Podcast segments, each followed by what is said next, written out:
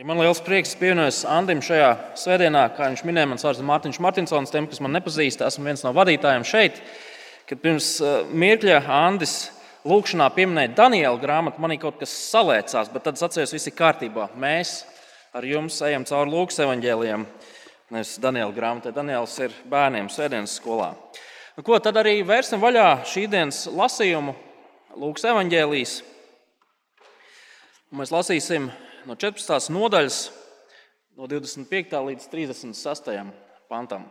Lūks evanģēlijas 14. nodaļa, no 25. panta. Draudzes Bībelēs tā ir 1049. lapuse. Mēs lasām, lieli ļaužu pūļi viņam sekoja, un pagriezies pret tiem, viņš sacīja: Ja kāds nāk pie manis un neienīst savu tēvu un māti, sievu un bērnus, brāļus un māsas, un arī pats savu dzīvību, tas nevar būt mans māceklis. Un kas nenes savu krustu un neseko man, tas nevar būt mans māceklis. Kurš no jums gribēdams celt torni, vispirms apsēdies, neaprēķinās izdevumus vai pietiks līdzekļu darbu veikšanai, lai tad, kad viņš pamatus ieliek un nespēja pabeigt, Visi, kas to redz, nesāk zoboties. Sacīdami, šis cilvēks gan iesāka celt, bet nespēja pabeigt. Vai arī kurš ķēniņš, gribēdams doties karot ar citu ķēniņu, vispirms apsēdies nepadomās, vai viņš ar desmit tūkstošiem spēs stāties pretī tam, kas nāk virsū ar 20 tūkstošiem. Bet, ja nē, viņš, kamēr tas vēl tālu, sūtīs vēstnešus, lai lūgtu mieru. Tāpat neviens no jums, kas neteiksies no visa, kas tam pieder, nevar būt mans māceklis. Sāls ir laba, bet ja arī sāls kļūst nederīga, kā lai to padara derīgu? Tā vairs nedara nec zemē, nec mēsliem, bet metama ārā. Kam ausis dzirdēt, tas lai dzird. Tas ir kunga vārds. Amen. Lūksim, un tad mēģināsim saprast, ko kungs uz mums šodien runā. Labais debes Tēvs! Mēs pateicamies par Tavu vārdu šai dienai, un mūsu lūkšana ir palīdzi mums to saprast. Palīdzi tiešām, kā pats Jēzus teica, dzirdēt ar savām ausīm, bet ne tikai dzirdēt, bet arī saprast. Un palīdz mums arī pēcpusdienā esot būt modriem un, un, un klausīties. Lūdzam, Jēzus vārdā. Amen. Pēdējās divās nedēļās mēs svētdienās esam redzējuši to, kā Dieva vārds izgaismo vairākus svarīgus iemeslus, kādēļ cilvēki nebūs debesīs. Mēs esam redzējuši to, ka būs tādi cilvēki, kas nenonāks debesīs. Un viena no lietām, ko mēs redzējām, bija tas, ka piemēram cilvēkiem patīk radīt dažne dažādus reliģiskus rituālus un, un sistēmas, kas viņu prāt viņus ievedīs debesīs. Bet ak, cik maldīgi viņi ir. Šīs sistēmas nestrādā, jo tās ir kroplas un balstītas cilvēku izdomājumos, nevis tajā, ko Dievs ir teicis. Mēs tāpat redzējām, ka cilvēki ir ļoti lepni. Cilvēki nevēlas atzīt savas vainas, nevēlas atzīt savas kļūdas, nevēlas atzīt to, ka viņiem gal galā ir nepieciešama palīdzība un glābšana. Un iepriekšējā nedēļā mēs ļoti skaidri redzējām to, ka īstenībā cilvēki nemaz nevēlas nonākt debesīs. Ja nonākšana debesīs nesakrīt ar to, kā viņi ir iztēlojušies, lietām ir jānotiek. Mēs redzējām, kā cilvēki klajā noraida to, ko Jēzus Kristus ir nācis dāvāt. Bet kas tad raksturo cilvēku, kurš vēlas nonākt debesīs, kurš ir ceļā uz debesīm? Kurš, kurš ir atsaucies Jēzus aicinājumam. Kā izskatās cilvēks, kurš grib atzīt Kristu par glābēju, par valdnieku? Un tas, draugi, ir svarīgs jautājums mums, kas sevi saucam par kristiešiem, bet tas ir svarīgs jautājums arī tiem, kas varbūt mēģina saprast, nu, kas tad tie kristieši tādi ir un kam viņi tic. Lūk, šo evaņģēlijas sadaļu, kas iesākās 13. 13. nodaļas otrā pusē, saka ar Jēzus vārdiem par to, ka debesis ir, ir, būs pilnas ar cilvēkiem no visām debesu pusēm. Tik daudz cilvēku, ka tos nevarēs saskaitīt. No austrumiem, no rietumiem, no ziemeļiem, no dienvidiem. Un viņi visi ieies pa šaurajiem vārtiem. Un Jēzus mudinājums iesākot šo sadaļu ir nepārprotams. Jā, debesis ir plaši atvērtas, bet, lai tur nonāktu, ir jācīnās, lai iet pa šaurajiem vārtiem. Un mēs jau redzējām to, ka tā cīnīšanās nenozīmē to, ka tiešām mums pašiem ir ar kapli un lāpstu rokās jākaplējās, jābruģē ceļš uz debesīm. Nē, Jēzus ir parūpējies par to, lai mēs varētu nonākt debesīs. Viņš ir izdarījis visu. Viņš ir, ja gribat, iedevis mums biļeti uz debesīm.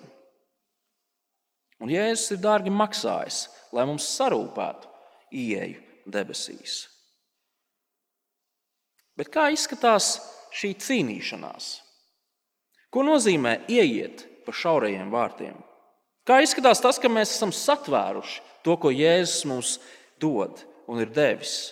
Kā izskatās tas, ka mēs turamies pie viņa? Kā izskatās tas, ka mēs sekojam viņam ceļā uz debesu ielas? Un raksturvieta, ir, kas ir mūsu priekšā šodien, ļoti skaidri atbild uz šiem visiem jautājumiem, ja patiesībā vienu lielo jautājumu. Jēzus ļoti skaidri un nepārprotami saka, ka runā par to, uz ko tad mums ir jābūt gataviem. Pa ceļam uz debesīm, kamēr mēs ieejam caur šiem šaurajiem vārtiem. Jēzus grib, lai cilvēki skaidri zina, ar ko viņiem ir jārēķinās. Un Jēzus vārdi skan ļoti, ļoti radikāli. Ļoti radikāli. Sekot Jēzum nozīmē darīt kaut ko ļoti radikālu.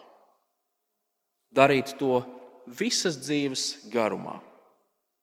Lasot šos pāns, es kaut kā iedomājos par, iespējams, jūs, jums līdzīgi iedomājos par tiem līgumiem, kurus mēs savas dzīves laikā noslēdzam. Visiem tiem līgumiem, kuriem aiz pirmās lapas ir vēl desmit lapas ar tādiem mikroskopiskiem burtiņiem, kur rakstīti noteikumi un visādi papildus noteikumi un papildus noteikumu, noteikumu, noteikumu. Un, ja jūs viņus neievērojat, ah, tiesas izpildītājs pie jums var klauvēt.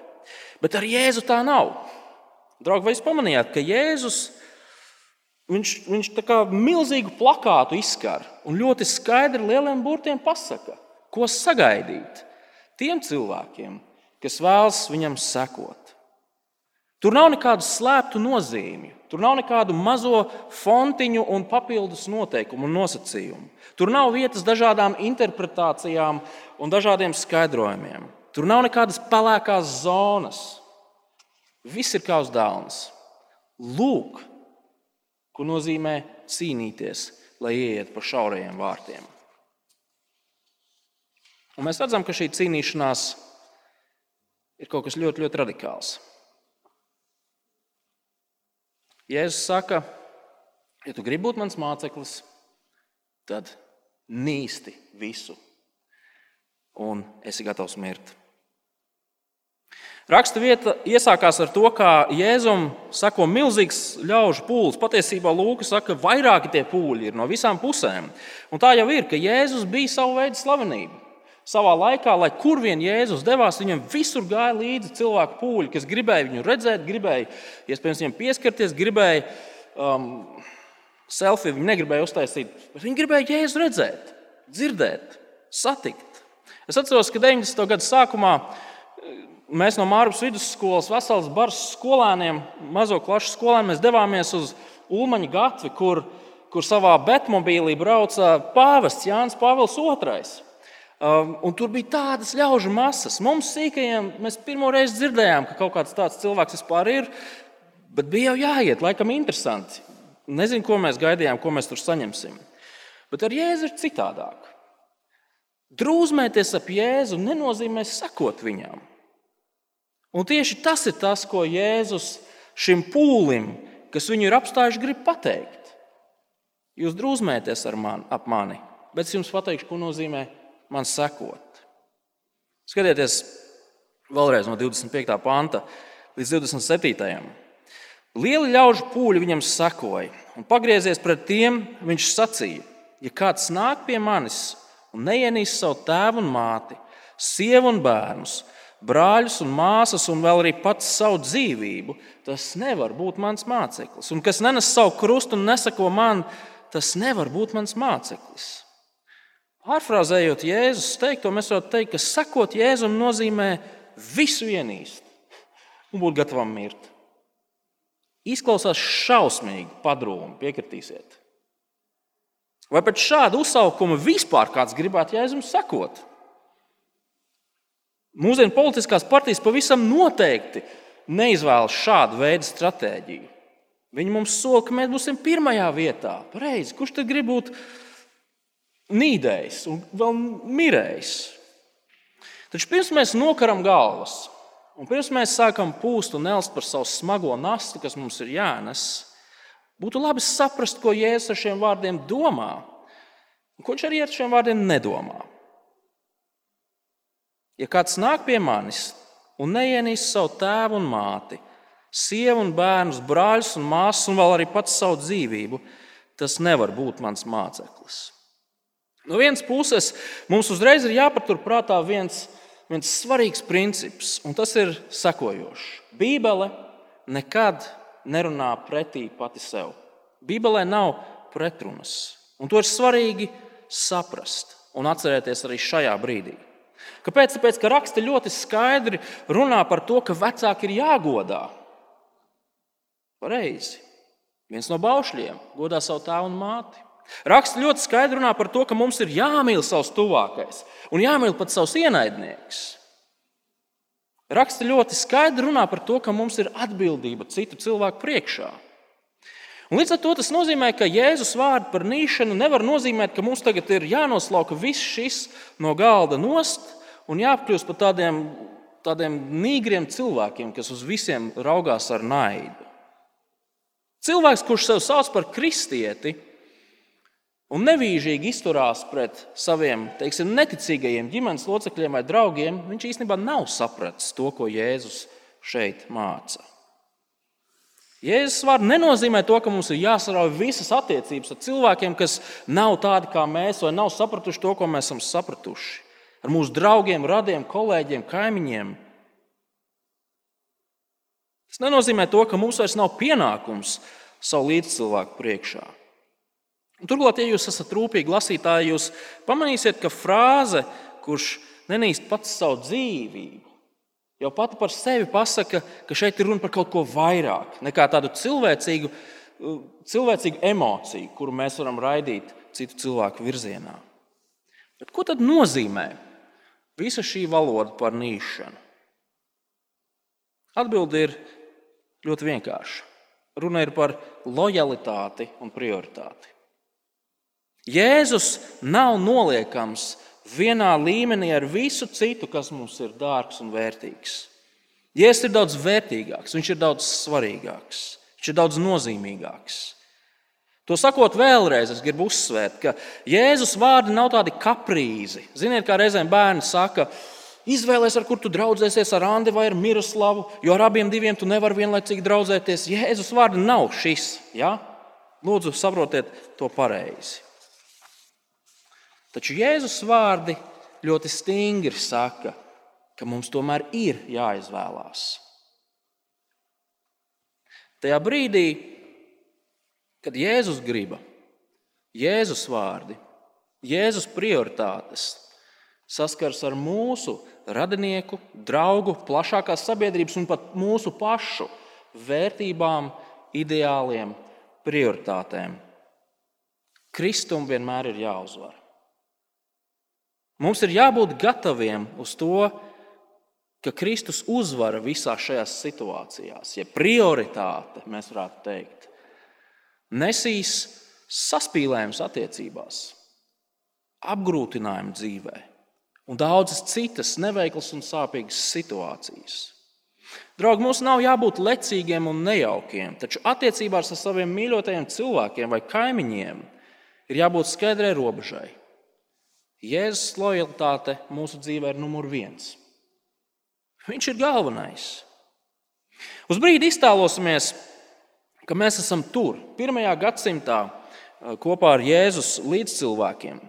Kā varētu būt, kā varētu izskatīties pirmo kristiešu dzīve, pirmo Kristus sakotāju dzīve? Apkārtējā sabiedrība Jēzu nicināja. Viņš tika saukts par grēcinieku. Viņš pat tika apsūdzēts tajā, ka viņš ir uz vienu roku meties ar pašu nelabo. Viņš tika uzskatīts par nevēlamu. Viņš tika saukts par dievu zaimotāju. Kāda pēc jūsu domām būtu dzīve cilvēkam, kurš seko šādam jēzumam? Sabiedrībā, kurā pilnīgi visi ir pret jēzu. Šādu dzīvi raksturot nepārtraukta attiecību spriedze. Ģimenē, ar kaimiņiem, ar darba kolēģiem, ar tā laika reliģiskajiem cilvēkiem. Vai zināt to, ka mūsdienās pastāv tādas sabiedrības un kultūras, kurās radinieki rīko bērns cilvēkiem, kas vēl, dzīvi, kas vēl ir dzīvi, bet seko Kristum. Dzīvot Londonā, es iepazinos ar kādu jaunu vīrieti, kurš bija uz Angliju aizbēdzis no Pakistānas. Viņš bija kristietis, šis vīrietis. Un šis vīrietis teica, Zini, Mārtiņ, mana ģimene nosvinēja bērns. Man. Viņi ir no manis absolūti atsacījušies. Vēl vairāk es nevaru atgriezties Pakistānā, tāpēc ka par manu dzīvību ir izsludināta atlīdzība.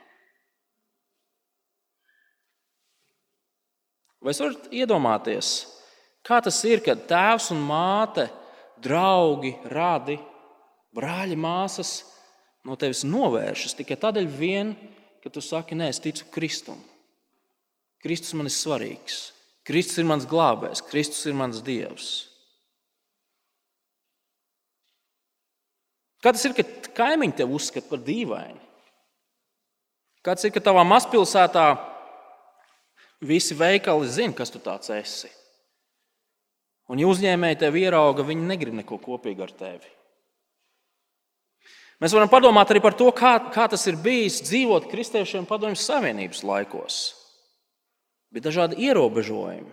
Bija noteikumi par to, ko tu drīkst mācīties, kur tu drīkst strādāt. Nemaz jau nerunājot par nopratināšanām, par, par izsūtījumu.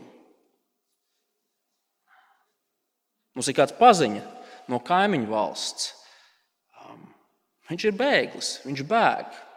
Tāpēc, ka viņa valstī būt par kristieti, kurš iestājās par, par šīm vērtībām, nav labi. Tas ir bīstami. Jēzus vārdi ir ārkārtīgi radikāli. Saskaroties ar izvēli, vai nu uzticība Jēzum, vai palikšana labās, saskanīgās attiecībās ar ģimeni, draugiem, kolēģiem, apkārtējo sabiedrību, tādējādi kompromitējot savu lojalitāti Jēzum, tev ir jābūt gatavam izvēlēties Jēzu. Taču Jēzus vārdi ir vēl radikālāki. Skatieties, 27. pantā. Un kas nenes savu krustu un nesako man, tas nevar būt mans māceklis. Es pieņemu, ka jūs visi esat dzirdējuši šo frāzi, nu katram jau savs krusts jānes, vai ne? Un parasti, kad mēs šo frāzi dzirdam, vai varbūt mēs paši esam lietojuši, mēs to saprotam. Nu, nu, man ir kaut kāda neveiklā tikšanās paredzēta pēc divām dienām ar, ar kaut kādu onkolu vai tantiņu, un šausmīgi negribās, nu, bet tas krusts jau laikam ir jānes. Mēs šo frāzi izmantojam, tad, kad mēs saskaramies ar kaut kādām dzīves grūtībām, slimībām, vēl kaut kādām lietām. Strādāšana kopā ar kolēģiem, tas, starp citu, nav, nav manā gadījumā, mums viss ir forši. Bet mēs, mēs lietojam šo frāzi, nu katram jau ir savas grūtības, nu katram jau ir savs krusts šajā dzīvē jānes. Bet, draugi, kā jums liekas, kā šo frāzi saprata un sadzirdēja Jēzus pirmie klausītāji? Redziet, krusta nešana bija kaut kas tāds, ko viņi laiku pa laikam redzēja, dzīvojot Romas impērijā. Krusta nešana viņiem nesaistījās ar kaut kādām sentimentālām lietām, vakariņas ar onkuli, kurš nevienam nepatīk. Ne, krusta nešana Jēzus klausītājiem saistījās tikai un vienīgi ar ļoti nežēlīgu nāves sodu, ko īstenoja Romas impērija. Es domāju, ka Jēzus pirmie klausītāji Jēzus vārdus uztver burtiski. Jēzus šeit runā par nāvi. Ja vēlaties sekot Kristum, tad apzināties, ka pastāv reāla iespēja, ka tev būs jāmirst. Un, draugi, ja mēs kaut ko zinām par baznīcas vēsturi, tad mēs zinām, ka baznīcas vēstures lapus ir rakstīts ar sarkaniem burtiem.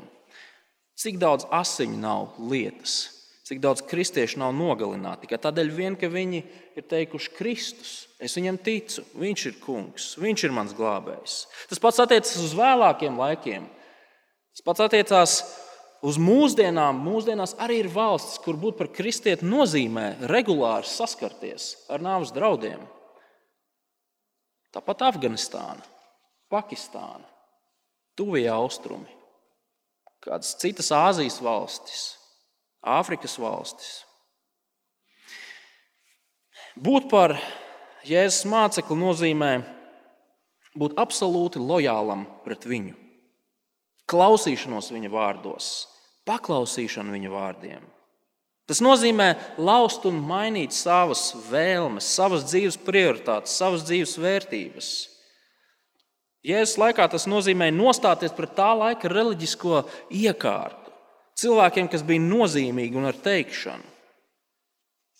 Tas nozīmē būt par outsideri, cilvēku, kurš ir tas dīvainīts, ar kuru pārāk neviens nerēķinās. Un, draugi, mūsdienās jau ir tieši tas pats. Skaidrs, ka šeit dzīvojot Latvijā, mēs tā līdz galam nesaprotam, ko nozīmē nest savu krustu, jo neviens jau mums nedzinās pakaļ ar plinti, neviens mums nevelk uz cietumiem pareizi. Bet būt par Kristus mācekli arī mums šodien nozīmē iet pret to, ko mūsdienu sabiedrība ir noteikusi par labu esam, par normu, par to, kā lietām ir jābūt. Nu, padomāsiet, ir tik daudz morāli ētiski jautājumi, kuros mums, kā kristiešiem, ir jāiet pret straumi, pareizi. Abortu jautājums, eitanāzija, vienzimuma laulības, daudz citi jautājumi, kas ir līdzīgi Mēs nevienā no tiem nevaram teikt, jā, viss ir kārtībā. Nē, draugi, mēs nevaram teikt, tāpēc, ka nekas nav kārtībā. Tas viss iet pret Dieva noteikto un iedibināto kārtību. Taču runa jau nav tikai par šiem skaļajiem, skaļajiem jautājumiem. Pareizi. Kā kristieši mēs esam nopietni aicināti izvērtēt to, kā mēs attiecamies pret tik vienu savas dzīves jomu un sfēru. Galu galā, kā mēs attiecamies vispār pret savu dzīvi? Kas ir mūsu dzīves noteicējs? Mēs paši vai tomēr kāds cits? Kristus. Un tas, kā mēs atbildam uz šo jautājumu, ietekmē to, kā mēs attiecamies pret sevi un to, kas veido mūsu dzīvi. Nu, piemēram, kā mēs attiecamies pret savu darbu, pret līdzekļiem, kurus mēs nopelnām. Vai, piemēram, kā mēs izmantojam savu brīvo laiku, savus talantus, savas prasmes. Tas ietekmē to, kā mēs raugamies uz draudzes dzīvi, uz citiem kristiešiem. Svētdienas dievkalpojumiem, mājas grupām, iespēju būt kopā vienam ar otru. Vai mēs gādājam par to, lai cits citam palīdzētu? Grūtās situācijās, ne tikai fiziski grūtās, bet arī garīgi izaicinošās. Vai mēs pieskatām to, vai mēs citu citu pieskatām, lai mēs nenoskrietu kaut kur kādā grāvī? Vai mēs lūdzam par saviem brāļiem, māsām, par saviem līdzcilvēkiem, par valdību, kur gal galā Dievs ir devis? Ja mūsu dzīve ir Dieva dota un Dievs mūs ir glābis, tad tā pieder Dievam. Mums tā ir jāizmanto nevis savam labumam, savām ērtībām, savam komfortam, bet gan tam, ko Dievs uzskata par labu esam. Un tas nozīmē, ka mums ir jāmācās saskarties arī ar grūtībām, ar izaicinājumiem, ar to, ka cilvēki mūs nesaprot un nepieņem. Vai jūs esat piedzīvojuši to, ka jūs, uz jums tā šķība skatās tikai tādēļ, vien, ka jūs runājat par savu ticību? Vai jūs gribētu to piedzīvot? Uz pirmo jautājumu iespējams mēs varam teikt, nu jā, laikam esmu. Uz otro mēs sakām, nē, noteikti negribu. Taču tas, ko Jēzus saka, ir, ka mums ir jāmācās. Jo mēs visi nonāksim situācijās, kur būs jāizvērās vai nu Kristus, vai nu kaut kas cits. Skaidrs, ka mūsu, mūsu identitāte ir personiska lieta, taču mums ir jāmācās lietām nepieiet personiski. Mums jāiemācās tas, ka tajā brīdī, kad cilvēki neko negrib dzirdēt par mūsu ticību, negrib to pieņemt, viņi pirmām kārtām nepieņem Jēzu. Viņi neko negrib dzirdēt par Jēzu, un tikai pēc tam runa ir par mums. No savas puses mums ir jācenšas būt labiem kaimiņiem, labiem ģimenes locekļiem, labiem draugiem, labiem kolēģiem, labiem skolniekiem un studentiem. Taču vienlaikus mums ir jāiemācās veselīga vienaldzība. Ja mēs to varētu teikt, jāuzaudzē bieza āda pret to, kā cilvēki reizēm pret mums var izturēties. Draugi, sakot, Jēzum nozīmē dzīvot radikālu dzīvi. Tādu dzīvi, kurā mēs esam gatavi būt nepopulāri, izstumti, nesaprasti, varbūt pat apcelti, zināmos kontekstos arī vajāti. Sakot, Kristum nozīmē mainīt savu dzīves uztveri, savu raksturu, savas vērtības, savas ilgas, savus sapņus, savas prioritātes. Un, draugi, tas nav viegls darbs, pareizi. Tas nav viegls darbs. Tas prasa koncentrēšanos, tas prasa to, ka mēs apsēžamies un domājam. Tas prasa piepūli. Un, lai labāk palīdzētu saprast šo svarīgo principu, kas mudina uz radikālu dzīvošanu, Jēzus izmanto divas vienkāršas ilustrācijas. Un mēs tam arī tagad pieķersimies. Lūks evanģēlijas 28. līdz, līdz, 28. līdz 30. pāns. Kurš no jums gribēdams celt toni, vispirms apsēdīsies, neaprēķinās izdevumus vai pietiks līdzekļu darbu veikšanai? Lai tad, kad viņš pamats ieliek un nespēja pabeigt, visi, kas to redz, nesāks zoboties, sacīdam, šis cilvēks gan iesāka celt, bet nespēja pabeigt. Lieli projekti prasa nopietnu rēķināšanu materiāla izmaksas, darba algas, dažādi nodokļi, nodevas, milzīgas summas, daudz laika, daudz nervu mēs pat varētu teikt. Tautā reizēm runā, ka parasti, kad mēs sastādām kaut kādu būvniecības projektu tāmu, tur vienmēr ir jāpievelk vēl 20% gan finansēs, gan laikā. Pat veicot šķietami vienkāršu darbiņu, ieskrūvēt skrūvi sienā, lai piekārtu gleznu, nu, mēs varam nonākt milzīgās ziepēs, ieurбjot kaut kādā elektrības vadā vai pēkšņi sadrūkt betons. Lai kaut ko izdarītu, ir jādomā, kā to izdarīt. Un vai mums pietiks viss nepieciešamais, lai to paveiktu. Ir svarīgi aprēķināt to, vai mēs varam novest līdz galam to, ko mēs gribam iesākt.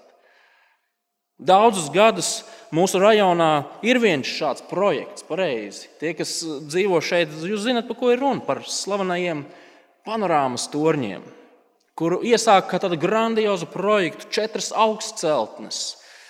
No četrām ir uzceltas divas, un tur tāds strupiks vēl kaut kāds nevar saprast, cik augsts. Un bedre. Kaut kas līdz galam nebija izrēķināts. Un cilvēki pie sevis ķiķina un rāda ar pirkstiem, ha, redz, kā neizrēķināja, nesanāca.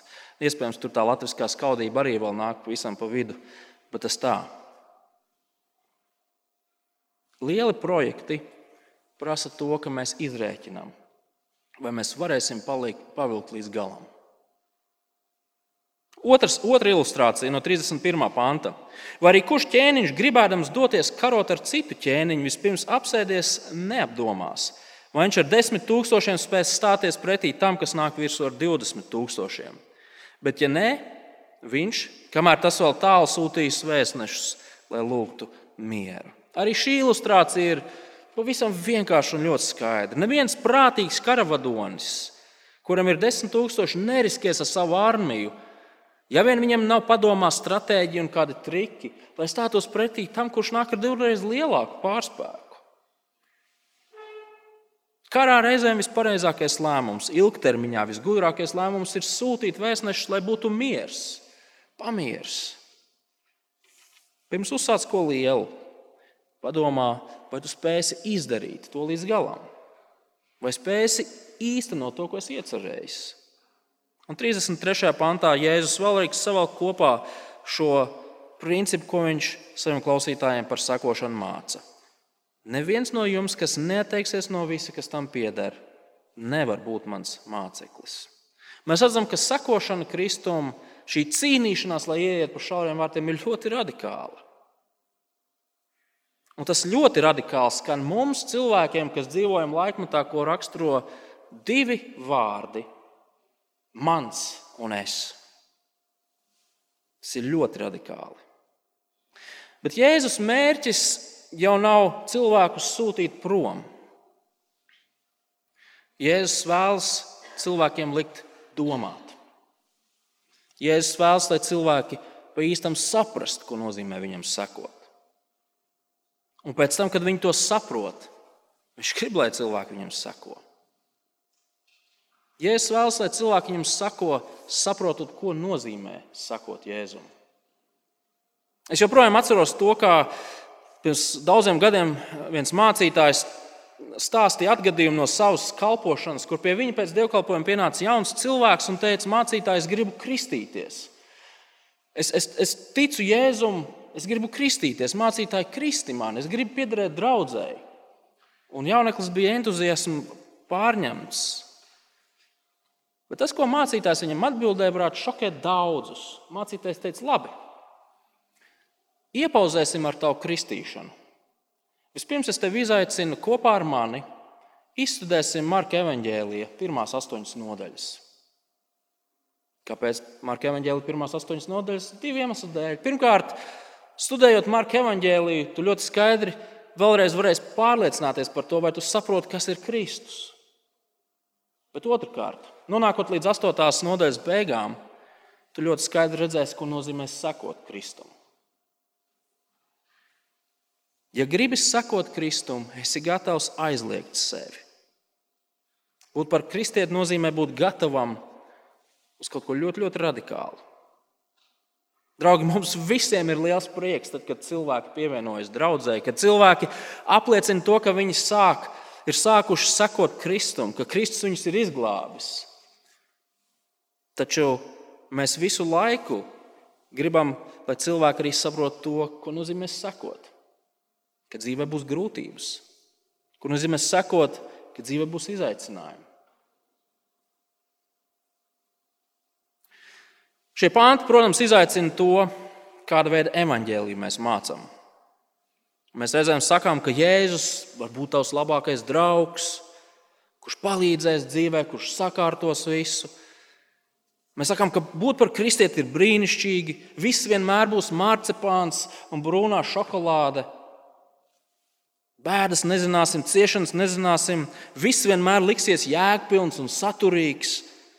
Draugi, nepārprotiet, Jēzus patiešām ir vislabākais draugs.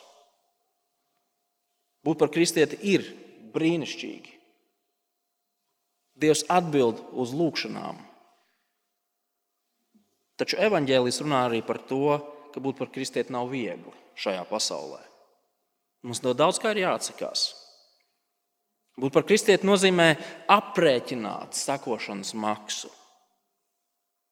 Tas nozīmē, ka mums ir jābūt pilnībā gataviem paļauties uz Dievu, nevis uz saviem spēkiem, savām spējām, saviem resursiem.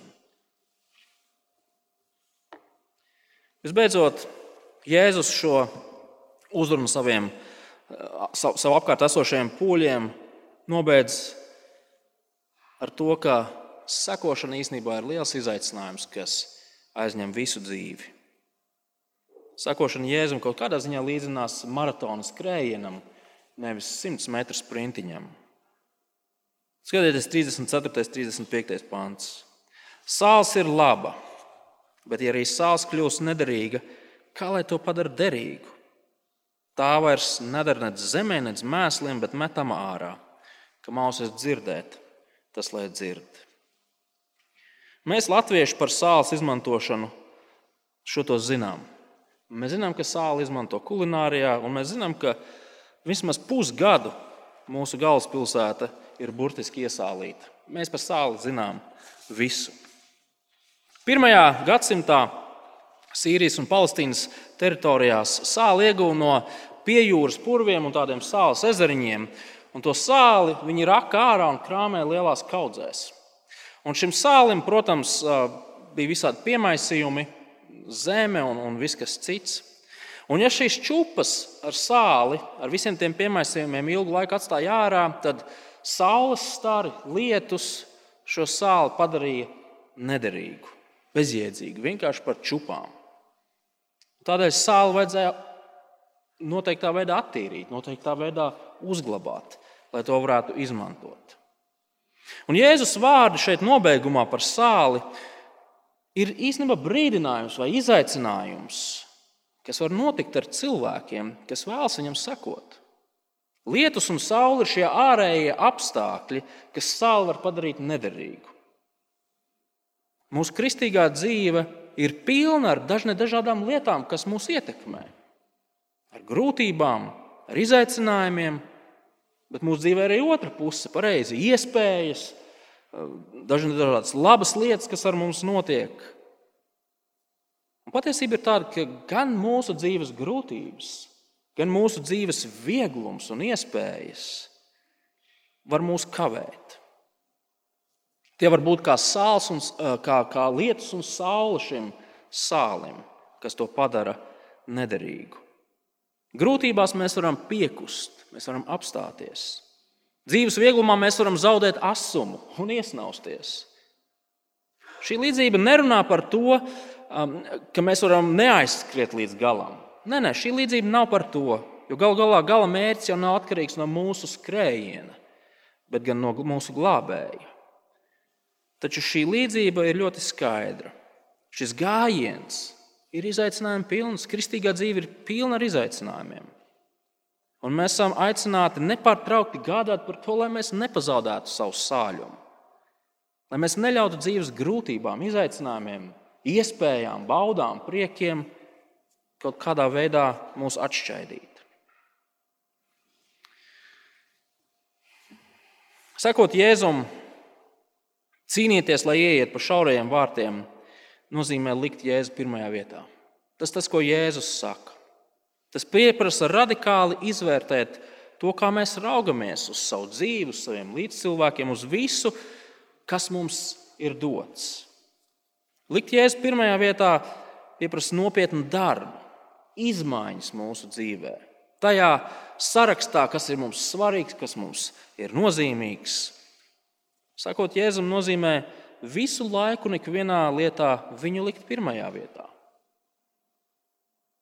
Viņa prāts, viņa griba, viņa vārdi, viņa vēlmes, viņa prioritātes. Nevis es, nevis mans. Tas joprojām izklausās šausmīgi drūmi. Piekritīsiet, ja, to, ja par to tā domā, tas ir šausmīgi grūti. Kāpēc, lai gan kāds izvēlētos kaut ko tik grūtu? Un, draugi, tas mūs ved atpakaļ pie Jēzus identitātes. Redziet, neviens cilvēks, lai cik varants, ietekmīgs, gudrs, harizmātisks, viņš arī nebūtu, no citiem nevar pieprasīt neko no tā, ko Jēzus šeit pieprasa šajos pantos. Bet Jēzus nav parasts cilvēks. Viņš nav kaut kāds sadists, jokainis, sapņotājs, kurš no cilvēkiem pieprasa nereālas lietas. Nē, Jēzus ir nācis no debesu godības, no paša Dieva. Jēzus ir Dievs, ienācis cilvēku, cilvēces vēsturē. Viņš ir nācis, lai izdarītu kaut ko tādu, ko mēs paši nevaram izdarīt. Viņš ir nācis, lai mums iedod kaut ko tādu, ko mēs paši nevaram iegūt. Jēzus nāk, lai dāvātu grēku piedošanu, attaisnošanu, mieru ar Dievu, dzīvi kopā ar Dievu viņa valstībā. Un, draugi, labās ziņas ir tādas, ka Jēzus to visu izdara. Vēl tad, kad mēs visi, ko kājas nesa, jozām pretējā virzienā, prom no viņa. Kad mēs negribējām neko kopīgu ar viņu, kad mēs negribējām viņu pazīt, kad mēs negribējām viņā klausīties, viņu paklausīt. Kas par milzīgu žēlstību no Dieva puses, kas par milzīgu mīlestības demonstrāciju. Ja gribat, Jēzus mūs ir paņēmis un no vienām sliedēm, pa kurām mēs braucām savā dzīvē, kuras gala mērķis ir stacija posts, viņš mums ir uzlicis uz citām sliedēm. Un šīs sliedes viņas ved cauri tumšiem mežiem, bēdu ielām, tūkstošiem, vilinošām oāzēm, kurās mēs gribētu ilgāk pakavēties. Bet šo, šo sliežu gala mērķis ir stacija Dieva valstība. Šīs sliedes ir drošas. Ja mēs esam uz šīm sliedēm, Kristus dēļ mēs tur nonāksim. Sekošana Jēzum ir radikāla, mēs to zinām. Tā maksā, tā maksā ļoti daudz. Taču skatieties uz to, kuram mēs sakojam. Viņš ir mūsu kapteinis, mūsu glābējs, mūsu valdnieks, mūsu draugs. Mūsu žēlstības pilnais un taisnīgais, visvarenais Dievs. Skatieties uz viņu. Skatieties uz to, ko viņš ir darījis, pabeidzis, pilnībā pabeidzis pie krusta. Un skatieties uz to, kas mūs vēl sagaida nākotnē. Braucot pa šīm sliedēm, uz kurām pats Kristus ar savu krustu nāvu mūs ir uzlicis. Lūksim Dievu! Labais dabas tēvs, mēs atzīstam, ka sekot tev prasa ļoti grūtas izvēles, ļoti liels izmaiņas mūsu dzīvē. Un reizēm mums liekas, vai tiešām tas viss ir tā vērts, taču patiesība ir tāda, ka tas ir tā vērts. Mēs ar savu, saviem darbiem, savu cenšanos, sevis aizliekšanu, mēs jau nenopelnām debesis. Bet mēs darām šīs lietas tādēļ, ka tu mums esi dāvājis debesis. Mēs to nedarām tādēļ, ka mums būtu bail no tā, ka mēs kaut ko varētu pazaudēt. Mēs to darām tādēļ, ka mēs esam pateicīgi Tev par to, ko Tu mums jau esi uzdāvinājis. Un tādēļ lūdzam, Tēvs, palīdz mums skaidri saprast, ko nozīmē būt par Taviem mācekļiem, par cilvēkiem, kas Tevi atzīst par kungu un glābēju. Un dod, ka mēs varam uzticīgi, klubdam un kristami, bet mācīties to, ko nozīmē tevi likt pirmajā vietā, ko nozīmē būt gataviem tevis dēļ ciest, tevis dēļ zaudēt popularitāti, tevis dēļ zaudēt iespējas. Tās palīdz mums visiem Jēzus vārdā. Amen.